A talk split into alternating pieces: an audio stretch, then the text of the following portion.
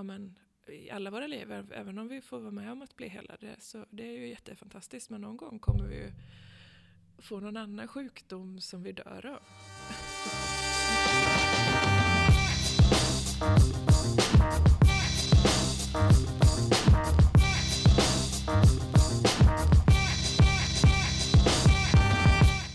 Hej och välkomna till Inför Söndag. Som vanligt en podd om kyrkåret där vi brottas med, tröstas eller provoceras av söndagens texter. Jag har med mig Elin Lycklund eh, idag. Eh, Elin Lycklund Ljunggren till och med, måste jag komma ihåg att säga. Eh, du och jag vi pluggade ju på Gilund sista halvåret tillsammans. Precis. Hur var det? Ehm, det var jättehärligt. Gick du hela din utbildning på Johannelund? Ja. precis. Alla fem år Mm. där. Men det, du kom in som en frisk fläkt i slutet. Det var en glädje. Då på vem man frågar tror jag. Men eh, ja, vi skyller på Kristoffer Lignell tycker jag. Han var, hade dåligt inflytande på mig. Så det. Eh, sen har du varit präst sedan 2009, Ja, ja, som mig. just. 11 år. Ja, Det är sjukt tycker jag. det är rätt sjukt. Ja, jag känner fortfarande att jag är ny präst. Ja, oftast gör man det. Ja. Det är vi Jag inte med. längre. vi ska ha koll nu liksom. Ja, så vart, du jobbar i Furulundskyrkan i Partille. Eller i Furulund kanske man säger. Ja, precis. Det är en samarbetsförsamling med EFS och Svenska kyrkan. Yes, Vad betyder det? precis. Ja, det är ju... em, Vad betyder det? Det är lite svårt att förklara. Det här med samarbetskyrkor och församlingar är lite knepigt. Men det finns ett avtal då mellan Svenska kyrkan och EFS som kan se lite olika ut, men Mm. man samarbetar. Eh, och jag tycker själv att det är den bästa formen av kyrka. Varför då? Ehm, därför att det, det kombinerar liksom Svenska kyrkans, ja, allt det som är gott med Svenska kyrkan med eh, trygghet för anställda och eh, ett otroligt kontaktnät i samhället med, med allt det som jag älskar med EFS, med eh, idealitet och personlig tro och, och iver för mission och bibelläsning. Och, Mm. Eh, Så jag, jag trivs jättebra i det sammanhanget. Som Svenska kyrkan ska vara kanske man kan tänka. Ja, EFS så- det, det är alltid det här som är så flummigt också, man säger samarbetsförsamling med EFS. För jag tycker att Ja. för EFS är ju Svenska kyrkan. Ja, visst. Så det blir så här, Precis. samarbetsförsamling, Svenska kyrkan och Svenska kyrkan samarbetar. Ja, Men man fattar ju vad man är ute efter. Liksom. Det är ju Ja. två olika organisationer i alla fall som, ja men som precis. samarbetar. Precis. Eh, när du inte jobbar som präst då? Eh, vad gör du då? Jag, ja, men jag bor lite på landet så det trivs jag med. Ute mycket i, i skogen och vi har lite höns Mhm. som jag grejer med. Mm. Har du namn på alla höns? Eh, jag hade det i början, men jag har Mm. lite tappat taget om det. Mm. I alla fall jag. Mm. Ehm, ja, jag spelar lite musik och läser. Och, Gött. ja, Ja, det låter det är harmoniskt. rätt- det är rätt fint. Bor du i en röd liten stuga? Gul liten stuga Okej. bor jag i. Ja, Fast men jag har är röda små stugor på eh, tomten. Ja, det var tur det. Annars känns det inte riktigt äkta. Liksom. Ja, det är bra. Eh, vi befinner oss mitt i fastan när eh, det här sänds. Det. och om vi då tänker att det, vi, vi är mitt i fastan nu, Elin. Det gör vi alltså inte när vi spelar in det här. ja, fastar du från någonting? Du behöver inte berätta vad om du inte vill. Men, Ja, just det. Ja, jag brukar i alla fall uppmärksamma fastan. Jag, jag gillar fastan. Jag ser fram emot... Eh, nu när vi spelar in det så börjar det om Mm. bara några dagar. Mm. Eh, nej, det är en tid jag ser fram emot. Jag gillar, jag gillar allvaret och lugnet och djupet. Eh, ja, sen, ja, jag brukar nog fasta på något vis. Jag lägger lite mer tid på bibelläsning Mm. och, eh, och ändrar min kost. Nu är jag, ju- äter jag ju mest veganskt och vegetariskt så att det är ju inte någon stor... eh, Jag brukar säga att jag är otroligt bra på att fasta. Jag fastar hela, hela året. Jag har fastat i 17 år nu. Liksom. Ja. det är lite så. Ja. Så det är lite svårt att komma på vad man skulle avstå ifrån. Men, Det är eh, därför Gud alltid hör mina böner. ja, det är därför. Just det. Ja, Precis. Alltså för mig har det liksom blivit mer och mer ett uppvaknande med fastan att så här, eh, vikten av att ha det kollektivt. Så där. Inte så att alla behöver fasta från samma sak, Mm. Men just att vi har en återkommande, i alla fall en stor period per år, vi har ju Mm. egentligen flera, men Ja. då man liksom kan stötta varandra i det här, att liksom justera livet mer mot, Mm. mot Kristus och, och Mm. kanske skala av något. Liksom. Eh, det hjälper mig liksom, att jag inte är ensam att bära någon duktighet. Sådär, Nej, utan det är någonting vi precis. gör tillsammans. Och när jag, när jag har bott i Hammarkullen några år nu så, så ser jag ju hela, alltid Ramadan liksom, med mina muslimska grannar. Eh, och det är ju verkligen kollektivt. Och Mm. där märks det ju verkligen hur de stöttar varandra också i, i vardagslivet och i, på vissa jobb och sånt där. Om de, ja men det- okej, jag är lite dåligt humör nu för vi har lite lågt blodsocker. Men ikväll får vi liksom äta. Precis. Nu rycker vi upp oss. Och så. Och det, och det är något väldigt vackert med det där. Liksom. De tycker ju för övrigt alltid att när, när jag säger att vi är inne i den kristna fastan så tycker de alltid att det är lite mesigt. Och det kan man, kan man ju förstå. Jag fastar från socker. Jaha, men du äter liksom hela dagen? Ja. Dricker du vatten och sånt? Ja, jo. Cola med? Nej det gör jag inte. Det kan light-cola kanske. ja. Ja, men, precis. men det, visst, det är ju det, det fina med, med kyrkan. Så. Som präst, hur, hur, det kan ju vara lite svårt ibland i församlingar att, att uppmärksamma fastan på ett bra sätt. Gör du det på något sätt i, i dina predikningar? Eller i, Ja, men det brukar jag nog göra, för så tänker Mm. jag tillbaka lite. Eh, jo, men det brukar jag göra. Det är min favorittid på året också. Eh, jo, men så det, det brukar jag göra i predikningar. Och sen är det också, där jag jobbar har vi inte jättemycket mycket liturgi eller liturgisk musik eller så, men det är ändå i, i påminnelse i fastans färger och att det är något som är annorlunda. Eh, Ja, och, och att undervisa eh, i församling och bland ungdomar och Mm, sådär. mm. Där jag jobbar är en ganska brokig församling skulle man säga, som kommer från många olika samfund och bakgrunder också. Så det är också en utmaning ehm, och något jag tycker är väldigt fint, att få ge, den här, att få ge kyrkans tradition till någon Mm, som inte är mm, van vid det. mm. Eh, det finns en väldigt, ja, något vackert och en styrka i det tycker jag. Eh, Ja. Temat för den här veckan är ju kampen mot ondskan. Mm. Det, jag tänker alltid på Star Wars när jag hör det här. liksom. Men Ja. eh, så jag hamnar alltid i någon fantasy-novell. Men, men om vi tar tillbaka det hit, vad, vad tänker du på när du hör det temat? Ja, det är mycket som kommer upp tycker jag. Och att det finns mycket utmaningar i det temat. Ehm, så det är, väl, det är väl det jag tänker på spontant. Att det är lätt att vi antingen gör ondskan till en sån fantasy, liksom någon slags monstergrej Mm. grej som vi kämpar emot. Eh, och där det, eh, där det antingen blir så overkligt att vi inte tar det på allvar eller så verkligt att vi, att vi gör det till något större än vad det är. Mm. Ehm, så det var mycket det, den utmaningen att, att, hitta, att hamna rätt Mm. i ett sånt tema.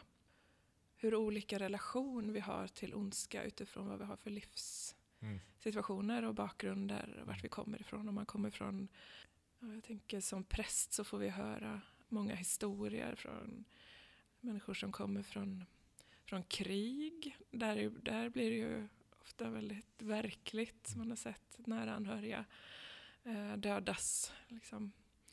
Eh, man får möta, jag tänker också på de kvinnor jag får möta där man har levt i, i väldigt destruktiva relationer. Man har Mm. blivit misshandlad och, och våldtagen och eh, liksom psykiskt nedbruten av någon man älskar. Det också Mm. det blir väldigt verkligt. Mm. Och för en del av oss så har vi ingen relation till det i princip.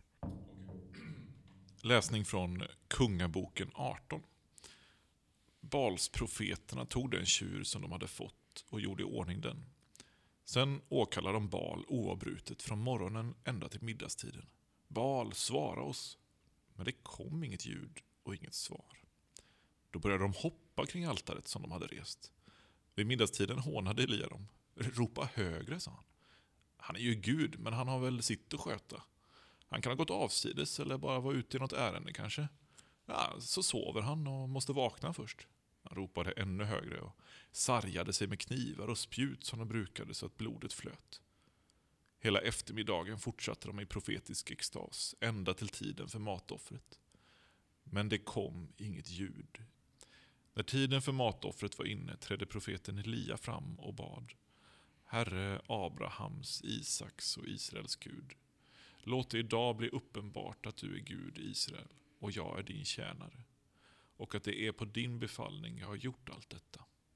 Svara mig, Herre, svara mig, så att detta folk inser att det är du, Herre, som är Gud och att det är du som har vänt deras hjärtan bort från. Då slog Herrens eld ner och förtärde offret och veden, stenarna och jorden och slickade upp vattnet i diket. Folket såg vad som hände och föll ner på sina ansikten och ropade. Det är Herren som är Gud, det är Herren som är Gud. Läser också från Uppenbarelseboken 3. Skriv till ängeln för församlingen i Laodikeia, så säger han som är Amen, det trovärdiga och sanna vittnet, början till Guds skapelse. Jag känner dina gärningar. Du är varken kall eller varm. Om du ändå vore kall eller varm, men nu är du ljum och varken varm eller kall, och därför ska jag spy dig ur min mun. Du säger, jag är rik, jag har vunnit rikedom och saknar ingenting. Och du förstår inte att just du är eländig och ömkansvärd och fattig, blind och naken. Jag råder dig att hos mig köpa guld som har renats i eld, så att du blir rik, och vita kläder så att du kan klä dig och dölja din skamliga nakenhet, och salva att smörja dina ögon med så att du kan se. Jag tillrättavisar och tuktar alla dem jag älskar. Visa iver och vänd om. Då läser jag från Markus 9, eh, vers 14-32. När Jesus med Petrus, Jakob och Johannes kom tillbaka till lärjungarna fann de mycket folk omkring dem och skriftlärda som diskuterade med dem. Men när folket fick se honom greps de av bävan och skyndade fram för att hälsa honom. Han frågade, vad är det ni diskuterar? Mästare, svarade en i mängden. Jag har kommit till dig med min son som har en stum ande. Var den än faller över honom kastar den omkull honom och han tuggar fradga och skär tänder och blir stel. Jag bad dina lärjungar driva ut den och de kunde inte. Han sa, detta släkte som inte vill tro, hur länge måste jag vara hos er? Hur länge måste jag stå ut med er? För hit honom. De kom fram med pojken och när han fick se Jesus började anden genast slita i honom så han föll omkull och vältrade sig på marken med fradga kring munnen. Jesus frågade hans far, hur länge har det varit så här med honom? Fadern svarade, sedan han var liten och ofta har anden kastat honom både i eld och i vatten för att ta livet av honom.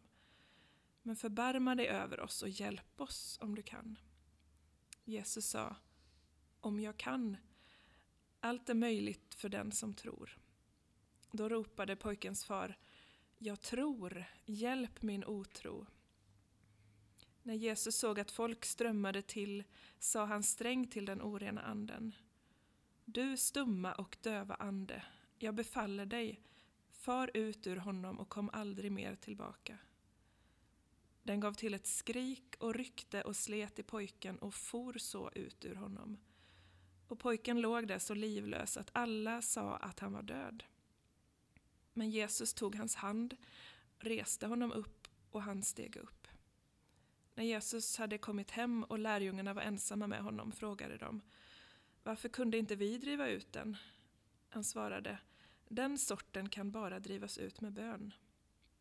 Sedan gick de därifrån och vandrade genom Galileen. Han ville inte att det skulle bli känt eftersom han höll på att undervisa sina lärjungar. Han sa, Människosonen ska överlämnas i människors händer och de kommer att döda honom och tre dagar efter sin död ska han uppstå. Men de förstod inte vad han menade och vågade inte fråga.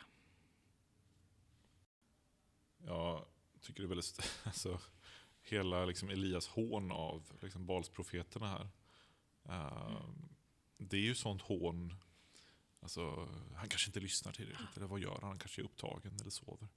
Och det är sånt där hån, jag tänker på den här rapporten om, om eh, kristna ungdomar i skolan. Som blir mobbade och, och sådär för sin tro. Då, att 50% av, av de unga kristna känner att de har blivit negativt behandlade på grund av sin mm. tro i skolan. Uh, det är ju sådana här saker som sägs till dem. Alltså, Just vadå, varför lyssnar inte Gud då när du gör så här? Mm. Eller kan, om du ber så här, kan Gud inte göra det här? Alltså, det är ett liknande hån. Just. Ehm, så, så att jag hör ju lite så samma stolta attityd hos Elia Ja. här som jag hör hos vissa så här mobbare som är säkra på det. att våran Gud inte är sann på samma sätt som han är säker på att Baal inte är sann. Liksom. Samma ton. Och det är nästan lite också samma ton som Jesus får möta. Så, men om du är Gud, ska du inte rädda dig själv då? Kom Ja. ner från korset. Och, Ja. så. Ehm, Ja, han är väldigt kaxig. Jag tänker det som är skillnaden kanske är att Elia står själv och de andra är liksom eh, många. Maktrelationerna Ja, är ändå maktrelationer. omvända där. Ja, Precis. precis. Jo, men det är ju jättestor skillnad alltså, Ja. mot, mot mobbningsgruppen. Ja. Mot, precis. De är etablissemanget så att säga. Ja, precis. Verkligen. Eh, och sen det här att de, de är ju också i, alltså det är inte att de inte hamnar i extas eller får profetiska Mhm. upplevelser, utan det har de ju. Alltså de hamnar Visst. i profetisk extas. Alltså, den andliga upplevelsen finns ju där. Ja, Eh, men den har ingen substans så att säga. ja. Det tycker jag också kan vara talande ibland till våra, våra gudstjänster. Eh, så att, att allting vi upplever, och det, det, är inte liksom, det finns ganska enkla psykologiska aspekter som gör Mm. att vi kan uppleva andliga saker. så att säga. Eh, men vad, vad är det som ligger bakom det och vad är substansen? Liksom? Precis. Nej, men det är ju jätteviktigt tycker jag. Det är en sån... eh, Det finns ju många kristna sammanhang, tänker jag också, där, det, där man kan ha andliga upplevelser utan att det är gott. Mm. Och utan att det är från Gud, tänker jag. Just, att jag, lyssnar på sektpodden nu som kanske Mm. jättemånga gör om Knutby. Här, och det är superintressant att höra om hela processen kring Kristi brud. Och, så och där, de Mm. har ju extremt många andliga upplevelser. Ja. Också upplevelser som bekräftar deras tro Mm. på henne som Kristi brud. Och, Mm. sådär. Ja. Ah, och det säger en hel del om vår förmåga att, liksom, ah, att, att gå vilse på grund av våra upplevelser Ja, och våra verkligen. känslor. Liksom. Samtidigt som de såklart är jätteviktiga att lyssna till. Men det, ja, Ja, det där sorterandet. Liksom. Det är, en, det är den där balansgången. Man vill ju gärna Mm. ha snabb, den snabba bekräftelsen. Mm. Och säga, vi, men vi såg ju det här, då måste det vara eh, sant. Men det är ju sällan enkelt. I slutet på den eh, texten så står det ju också, det var det här jag reagerade på när jag läste. Då står det så här. Uh, Svara mig Herre, så att detta folk inser att det är du Herre som är Gud och att det är du som har vänt deras hjärtan bort från dig. Mm. Det är ju en, en, eh, en ganska speciell gudsbild liksom i, Mm. som, som sipprar igenom ibland i Gamla Testamentet. Mhm. Också med farao så är det en Ja. ond ande från Gud som får in Mhm. farao och får honom att förhärda sitt hjärta. Liksom. Och även här är det liksom Gud som får honom att vända sig bort från honom Ja. själv. Då. Eh, det, är ju inte riktigt den, den strikta monoteismen som senare kommer. Och det, eh, för vi, ju, ju senare vi ser Mm. texterna så blir det ju en uppdelning mellan Gud då, som inte ligger bakom allting. För i de här tidigare texterna och tidigare traditionerna så är det ju liksom att Gud är den enda kraften som finns till i universum. Och då måste Gud ligga bakom även de Mm. negativa bitarna så att säga. Mm. Medan i senare texter så ser vi en, ja, där dyker Satan upp som Ja. en karaktär, eller ondskan och sådär.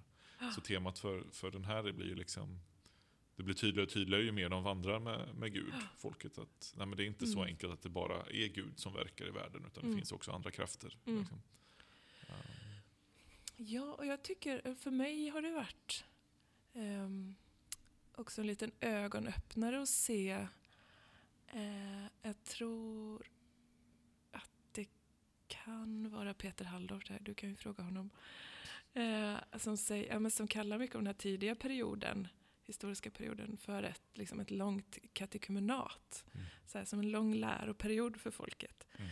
Eh, för ofta tänker vi, ja men det står ju om, om krig här i Gamla Testamentet, då måste ju Gud vilja det. Liksom. mm. Men att, att det är som ett sökande mycket för folket. De så här, eh, söker lära känna vem Gud är och hans vilja. Och, liksom, och att det går lite olika bra. Mm. och det har varit lite så en, eh, eh, ja, men en ögonöppnare för mig. Så att även om någonting Även om det står i Bibeln, en händelse står i Mm. Bibeln, så är ju inte det alltid ett föredöme eller en förebild. Så Eller, fruktansvärt viktigt. Jag läser Barnens Bibel för min son nu. mm, Och tjäna vad det är massa berättelser där jag inte vill att han ska lära sig och ta efter. Ah. Alltså. Simpson tog en åsnekäke. Ja, Det står inget om förhudarna, vilket är bra. Men, men liksom, det är ändå så här, bara, nej, men allting är kanske inte poängen med att det är med i texten är kanske inte för att det är moraliska föredömen alltid. Nej, Utan vi vittnar, om, som du säger, Ja. alltså, om den här, det är en pågående uppenbarelse och, och den stiger. Liksom. ja men precis. Mm. Har du någon detalj du, du reagerar på? um, ska säga, någon slags, eh, jag vet inte om det är en poäng, men jag tänker en av poängerna med den här texten det är ju uttryckligen att, att visa att, att Gud är Gud. Mm. Eh, liksom, det är ju Elias mission. Och eh, ja, jag bara tänker på att, att det är också betydelsen av Elias namn. Så, Herren är Jaha, Gud eller Gud är. Gud. Att han, har ju, han har ju väldigt tydlig kallelse Mm. Mm. redan från, från början i sitt liv. Att här, vara den som visar vem, vem är Gud, vem har makten. Och egentligen handlar ju all, samtliga texter om, om det. Mm. Eh, Och även Ja. Jesus handlar ju egentligen om att, att, det är han som har makten att Ja, ut och inte de Ja. andra. Liksom. Ja, Ehm, ja så det är tydligt. Och återigen är det. Jesus mot etablissemanget. Då, Mm. eh, och sådär. Mm, Ehm, visst. Mm. I uh, evangelietexten så finns en av de där korta bönerna jag brukar använda när jag mediterar. ehm, som har hjälpt mig jättemycket. Jag tror, hjälp min otro. Mm. Och det är en sån där bön jag har fått komma tillbaka till mycket. Att, att det, det är alltid den dubbelheten i mig. Mm. Ibland när man sjunger lovsång och har de där, eh, jag vill älska dig av hela mitt hjärta. Mm. Ehm, så tänker jag att nej, men det vill jag ju inte. Alltså, jag vill ju det rent jag Mm. är ideologiskt och teologiskt. Jag vet ju att jag borde Mm. vilja det. Mm. Alltså, så här, och på det sättet vill jag det. Men, men jag vill ju också älska choklad. Ja. Vad det nu kan vara jag Ja. missbrukar. Liksom. Ehm, och jag, det finns väldigt få sånger som liksom är sådär Jesus jag älskar dig av 65% av mitt hjärta. Mm. Ehm, hoppas det är okej. Så ibland saknar jag den, den typen av ärlighet Ja. i mina lovsånger. Men det kanske skulle bli för individualistiskt. Jag vet Ja. inte. Men, Ja, men det är så viktigt tycker jag. Och det, är- det är så bra att den pappan är så ärlig Mm. med Jesus. Ehm, jag tänker också att det är så viktigt för oss som står och predikar, om vi är präster eller pastorer eller mm, bara mm, eh, predikanter. Att vi också får vara ärliga så vi inte bygger upp det där. Att, ehm, för den här, ehm, ja, alla texterna trycker också väldigt mycket på tro. Eh, på tron liksom. Att, ehm, ja, för den som tror är inget omöjligt och sådär. Och, och det är nog väldigt få av oss som känner att vi alltid är de där. eh, är Elia liksom. Eh, och tror till 150 procent. ja. Och, att, och jag tror att, vi, att ärligheten egentligen är viktigare för att vi ska nå fram till Jesus. Han möter ju den här pappan fast han är bara är helt, eh, Visst. bara säger precis som det är. Liksom. Eh, Alltså, Gud har ju aldrig några problem med svaghet eller Nej. tvivel. Eller han har problem när vi stänger Mm. dörren för att släppa in hela oss. Liksom. Det, är, det är vi som bara vill ha vår fromma del med Jesus. Liksom. Ja men precis. Just.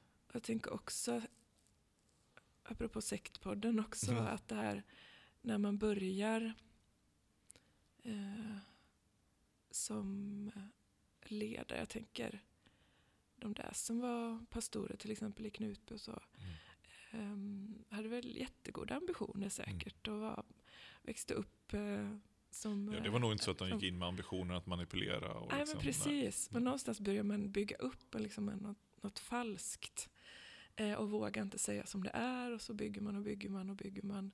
Och det här kan man ju se i mindre skala kanske både hos sig själv i Mm. värsta fall och lite när man Verkligen. tittar omkring. Ja, ja. Men att alltid bara backa och, och gå tillbaka till det som är sant. Mm. Liksom. Mm.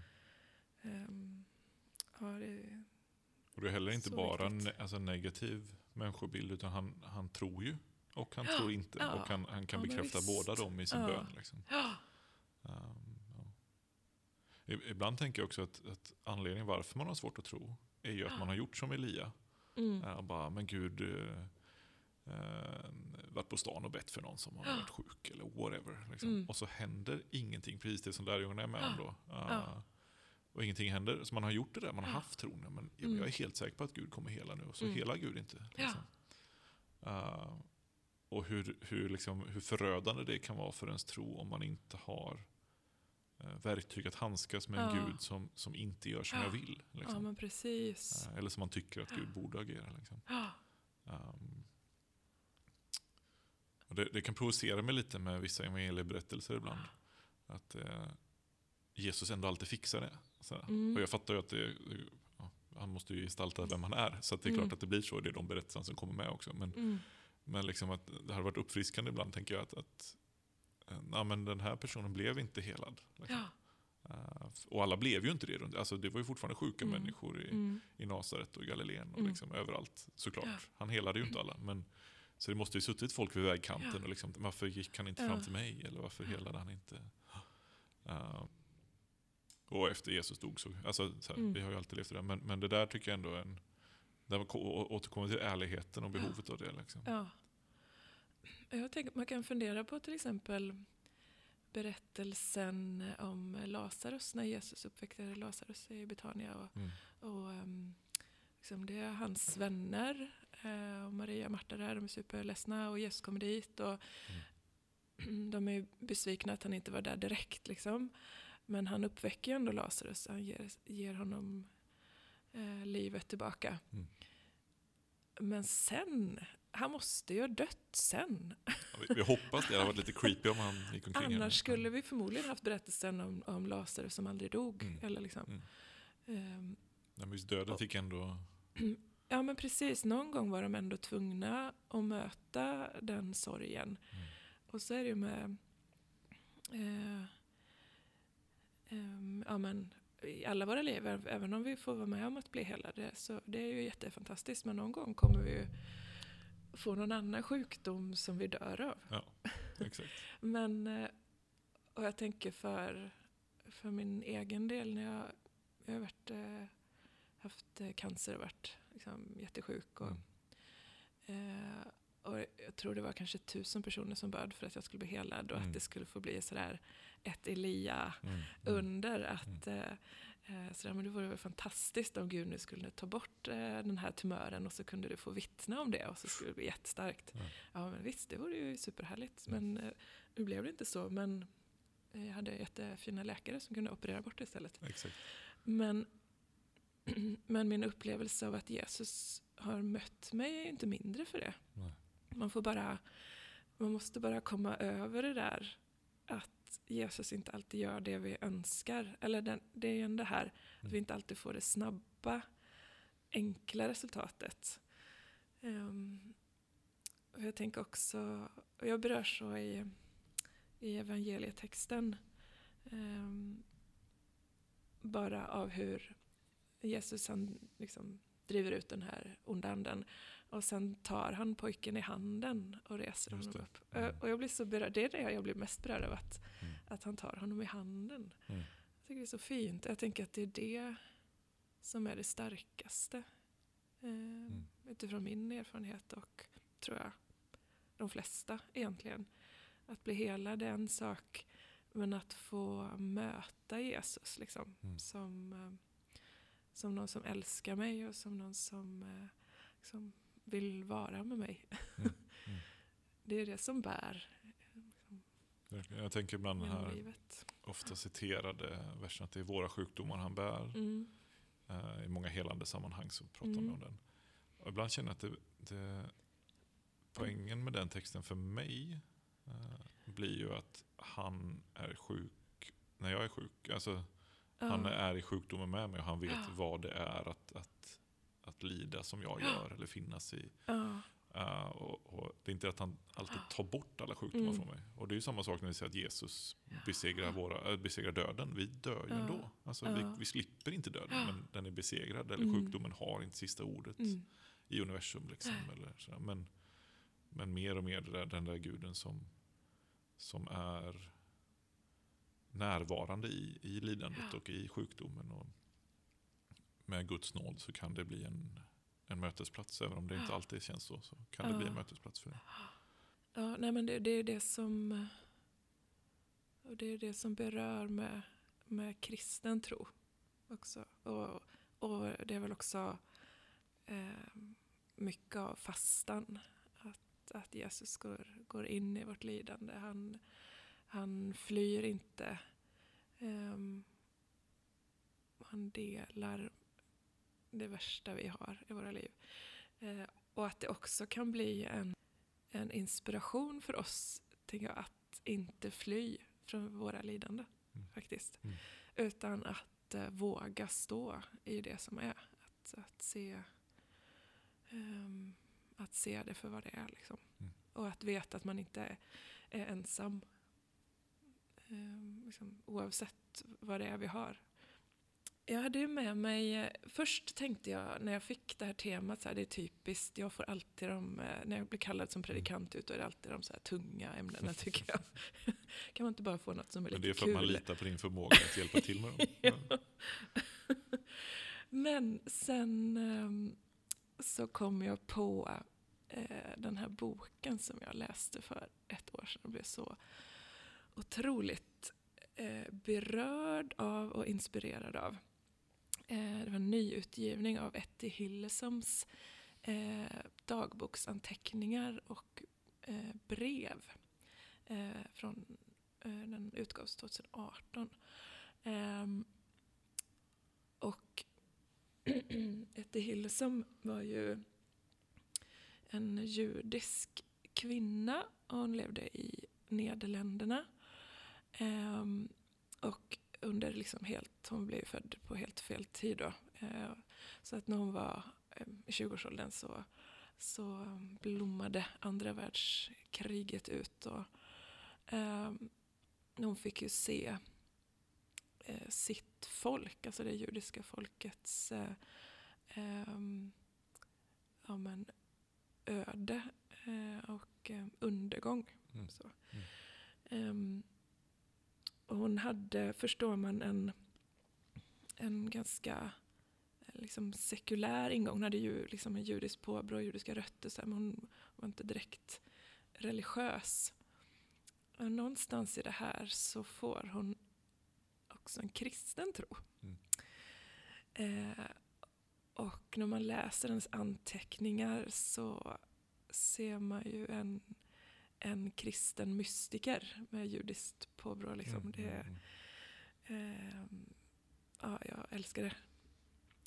Och hon, hon ger ju också det här, den här, ehm, det är som en slags Kristusgestalt som väljer att dela sitt folks öde. Eh, och säga att det, gör, det finns ingenstans annanstans jag kan vara än att lida och dö med mitt folk. Mm. Och, och man, man läser om henne man att hon har, hon har många möjligheter att fly. Hon har inbjudningar till andra länder. Hon är, har liksom en sån position i samhället att hon har möjligheter att, att ta sig därifrån. Men hon väljer Mm. att dela sitt folks öde. Ja, hon skriver till exempel om det här att se, att våga se ondskan, att, eh, att ha insikt, att se sanningen. Um, visserligen sitter jag ännu vid samma skrivbord, men det är som om jag borde stryka ett streck över allt jag skrivit förut och börja om i en ny ton. Man måste bereda husrum åt en nyvunnen säkerhet. Man måste skaffa plats åt vissheten att det är fråga om vår undergång, vår förintelse. Om den saken behöver man inte längre göra sig några illusioner. Det är vår totala förintelse som är målet. Ehm, jag tänker hon är en av de få som liksom tidigt bara vågar se och säga vad det är som sker. De väl, det känns ju som att hela Europa levde i någon slags förnekelse. Um, och våga se den här ondskan ju. Mm. Visst. Och jag menar, Europa Ja. kanske, de förnekade ju den värsta av brotten som skedde kanske. Men, Mm. men man bekräftade ju också den bakomliggande alltså antisemitismen. Och, och det var Ja. liksom att man ändå tänkte att det, de är ju ändå ett problem. Liksom. Ja, Det är ju ändå ett problem som måste Mm. lösas på något sätt. Hitler kanske är Mm. extrem, men vi måste ändå lösa det. ja Och, och det där tycker jag det är, så talande för ondskan. Liksom, att ja, Bara ondskan har någon extrem någonstans som får Ja. representera, liksom, så, så är det så mycket mer som är okej. För att Mm. man är i alla fall inte så där extrem. ja, liksom. precis. Ja, och det ser vi ju ja, men i hela västvärlden också nu tendenser till att, att våga eh, rucka på människovärdet Mm. till exempel och säga att ja, det är precis samma eh, retorik någonstans. Ja, Vi måste ändå se att det här är ett problem och, och då måste vi börja eh, skava på de här värdena som, är, som, som borde vara heliga för oss. Mm. Ehm, ja, så jag tänker att ja, att våga, våga stå i det som är ondska, våga ta in det. Liksom. Mm. så här är det. Ehm, det här sa Hitler liksom, eh, ur Ettys synvinkel. Eh, och att våga se det som är Guds perspektiv eller det som är sanning eh, samtidigt. Det fantastiska tycker jag med, eh, med Etty är ju att hon, att hon vågar gå in i, i, eh, i ondskan. Hon, rent konkret så liksom låter hon sig eh, också föras till Auschwitz. Hon vet att här kommer jag dö och, det finns ingen annanstans jag hellre vill vara än här. Liksom. Eh, och samtidigt så kan hon se hur god Gud är. Mm. Ehm, att hon... ehm, ja, det finns bara ett citat till som jag tycker är så fantastiskt. Eh, mitt i all det här liksom undergången, hon inser att jag kommer dö eh, innan jag har fyllt 30. Ehm, eh, så skriver hon så här. Mm. Jasminen utanför mitt hus har de senaste dagarna blivit helt förstörda av regnet och stormen. Dess vita blommor driver omkring i de gyttiga svarta pölarna på det låga garagetaket. Men någonstans inom mig blommar jasminen ostört vidare. Precis lika överflödande och ljuvlig som alltid. Och den sprider sin doft runt omkring i mitt hem som är din boning, Gud. Du ser att jag vårdar dig. Jag kommer inte bara till dig med tårar och med mina onda aningar. Denna stormiga grå söndagsmorgon kommer jag till dig med doftande jasmin. Ja, tänk att få ha den nåden att kunna, kunna känna det där mitt i alltihopa. Liksom. Ja, det är så, det är så starkt. Eh, och jag tänker att vi, vi bär på det alla egentligen. Mm. Att, ehm, att Gud bor i oss, att han har sin boning i oss. Oavsett vad som liksom stormar runt omkring så har vi ändå Mm. eh, ja, men Guds tempel i oss. Ehm, jag tänker också på ja, men, den här kvinnan som kommer. Det är också ett fasta tema med en kvinna som kommer och, och smörjer Jesu fötter med doftande olja Mm. inför hans död och begravning. Jag tänker hon var också en av de som kunde se så här, det här kommer hända. Eh, och jag vill inte det och så. Men, men att kärleken till Jesus eh, förändras inte av det. Mm. Det- är där jag tänker vi förstår vad tro är i, i Nya Testamentets mening. Mm. Alltså, det handlar inte om att inte tvivla. Eller att nej. alltid, utan det handlar ju om att, att få fått den där synen på, på tillvaron där man kan Ja. skåda Kristus även i, Mm. i lidandet. Då, liksom. Ja. ja. och det, det, jag tänker att det är den tron som också fördriver demonerna så att säga. Ja, Alltså, då har döden ingen Ja. makt över en längre. Om man Nej. har den förtröstan på, visst. då har Hitler ingen makt över en. Nej. Jag kan Ja. gå till Auschwitz. Det är lätt för mig att säga nu, Ja. men, men i. Etty, Etty säger det liksom att Mm. eh, då har hon hittat en tro som besegrar döden. Mm. Eh, även om hon också kommer dö. Ja, Um, och den fördriver ju all form av liksom, försök av, av ondskan att kontrollera och, och förstöra Mm. människors liv. Liksom. ja. Ja men verkligen, det är ju en, det är ju en, eh, en nyckel. Ehm, jag tänker att det Jesus föredöme också är, när han möter den totala ondskan, det är ju liksom hela, på något vis, hela världens önskan att få se honom död. Mm. Och han väljer att inte möta det med aggressivitet, med eh, liksom att, eh, att elda upp eh, eh, hämnd eller liksom, eh, utan att, att på något vis böja sig under den verkligheten och, och samtidigt veta ehm, ja, men vem, vem hans far är och, och att det, fin, det, finns bara, det finns ju bara en utväg, tänker jag. Och det är för honom att gå lidandets och, och korsets väg. Um, jag tänker det finns ju många sådana kristna förebilder också kring um, ja, men, um, ja, man kan inte bara tänka Nelson Mandela. Nu finns, han var en människa, det finns ju saker i hans liv som kanske var synd och så. Men, eh, Syndare och helgon. Ja, men mm. precis. Men ändå någonstans att han valde att ja, men gå in i ett långt fängelsestraff. Att inte efter det utkräva liksom, hämnd och repressalier. Eh, utan att, att välja försoning och, och mildhet på något sätt. Och jag tänker att det, det är ju enda vägen mm. för oss. Och det är igen det här, det är lättare att välja en annan väg och säga nu behöver eh, alla bli straffade. Eller liksom. Det är en längre väg att välja eh, kärlekens väg och Kristusvägen. Mm. Ödmjukheten. Tack Elin för att du ville vara med. Det får vara avslutningen på vårt samtal.